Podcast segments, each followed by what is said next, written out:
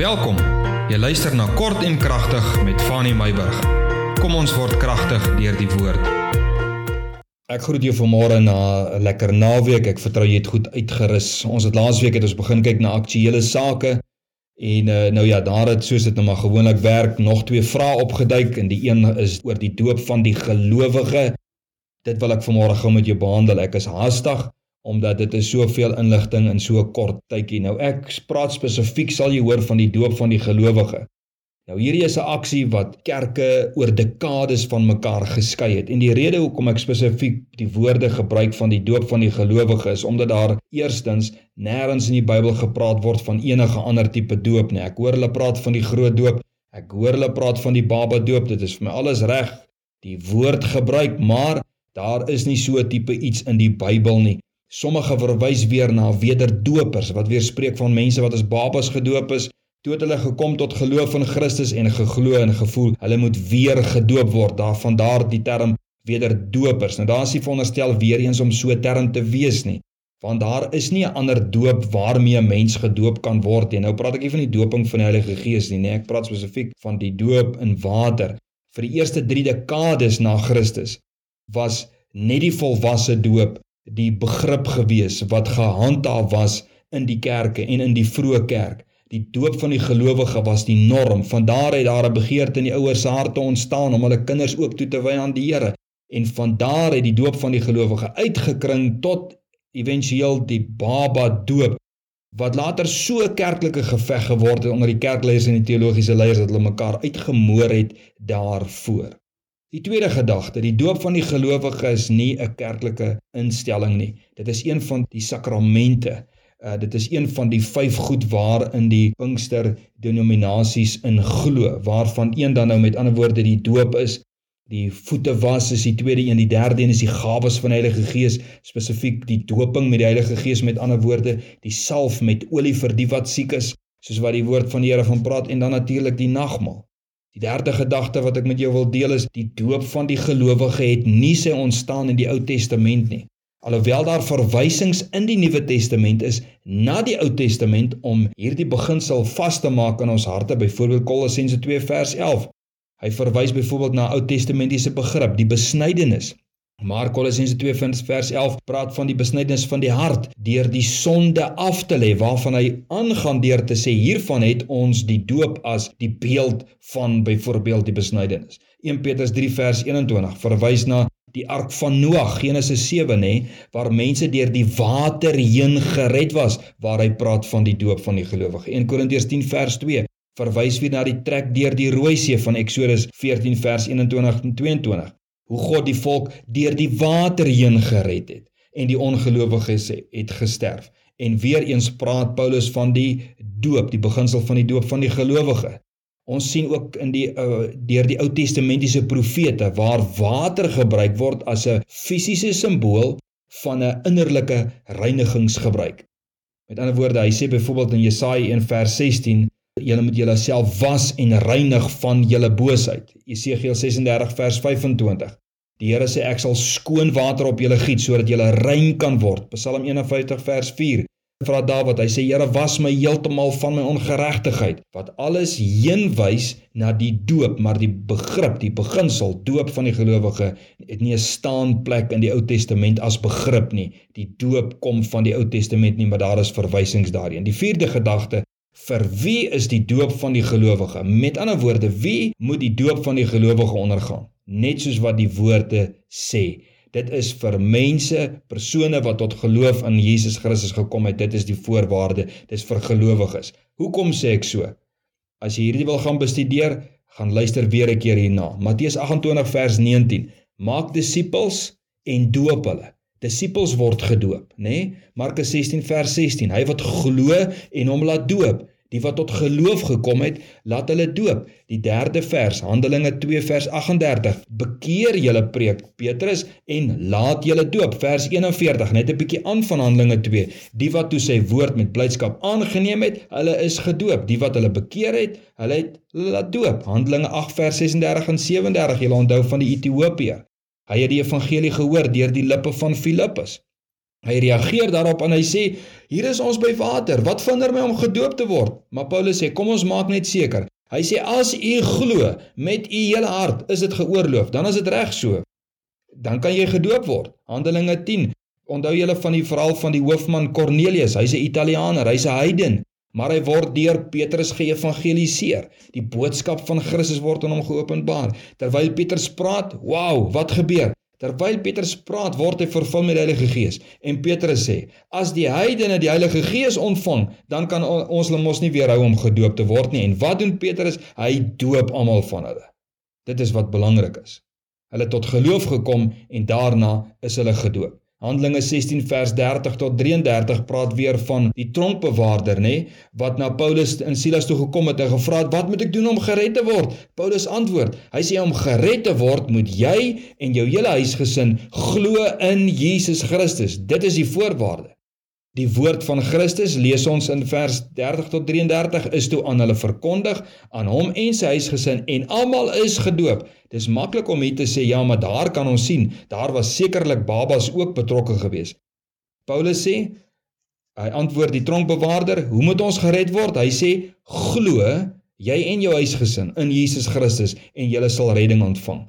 En die wat geglo het, hulle is gedoop soos wat Markus 16:16 16 sê, Matteus 28 vers 19 sê ensovoorts ensovoorts. En dan kom Kolossense 2 vers 12 en Romeine 6 vers 4 waar Paulus praat. Hy sê ons word begrawe in die doop. Ons word begrawe deur die doop en ons word opgewek deur die geloof. Ons moet kan glo om opgewek te kan word deur die geloof. Ons moet kan sterf in ons sonde om opgewek te kan word in die geloof. En daarmee kan jy sien, mense moet begrip van dit kan hê om deur hierdie doop van die gelowige proses te gaan kan gaan. 1 Petrus 3 vers 21 en ons het nou nou daarvan gelees. Hy sê daarso in kort uh, in vers 21, hy sê die doop red ons. Hy red ons nie van die vuilheid van die vlees nie. Hoekom nie? Want Jesus Christus se bloed is die enigste middel wat ons sondes kan wegwas. Met ander woorde, jy kan nie bekering vryspring, geloof in Christus vryspring, net gedoop word en dan gaan jy hemel toe nie. Dis nie die begrip nie. Die begrip is Jesus red ons. Jesus was ons van ons sonde. Hy sê maar die doop is 'n bede tot God om 'n goeie gewete deur die opstanding van Jesus Christus. Kom ek verduidelik vir jou. Ampli die Amplified Bible sê dit in vers 21 so. Hy sê and baptism which is a figure of their deliverance. Daar praat hy nou van Noag, nê, wat gered was deur die water. Hy sê the baptism uh, which is a figure of their deliverance does now also save you from inward questionings and fears, not by the removing of outward bodily filth, but by providing you with the answer of a good and clear conscience, inward cleanness and peace before God. En dan gee hy vir ons 'n baie belangrike beginsel. Hy sê because you are demonstrating what you believe to be yours through the resurrection of Jesus Christ. Wat glo ons? Wat demonstreer ons deur die doop? Ons demonstreer deur die doop ons het gesterf in ons sonde. Ons begrawe die ou mens, die sondige mens en dan staan ons op soos wat Christus uit die dood uit opgewek is, dan staan ons op in 'n nuwe lewe. Dit is wat ons demonstreer deur die geloof dit wat ons deurgemaak het. Goed, ons het daardie begrip. Die vyfde gedagte. Dit is nou al die verse wat ek wil gee. Die vyfde gedagte, die doop is 'n vrywillige aksie, dis 'n natuurlike uitvloei wanneer jy en ek tot geloof in Jesus Christus gekom het. Met ander woorde, ek het op 'n stadium met ek mos gehoor hulle sê so dinge, so lagwekkende, ehm um, kon amper sê simpel grap wat hulle sê. Ek het gehoor dat hulle daar word gepraat van die kerke wat soos krokodille die mense na die water toe sleep.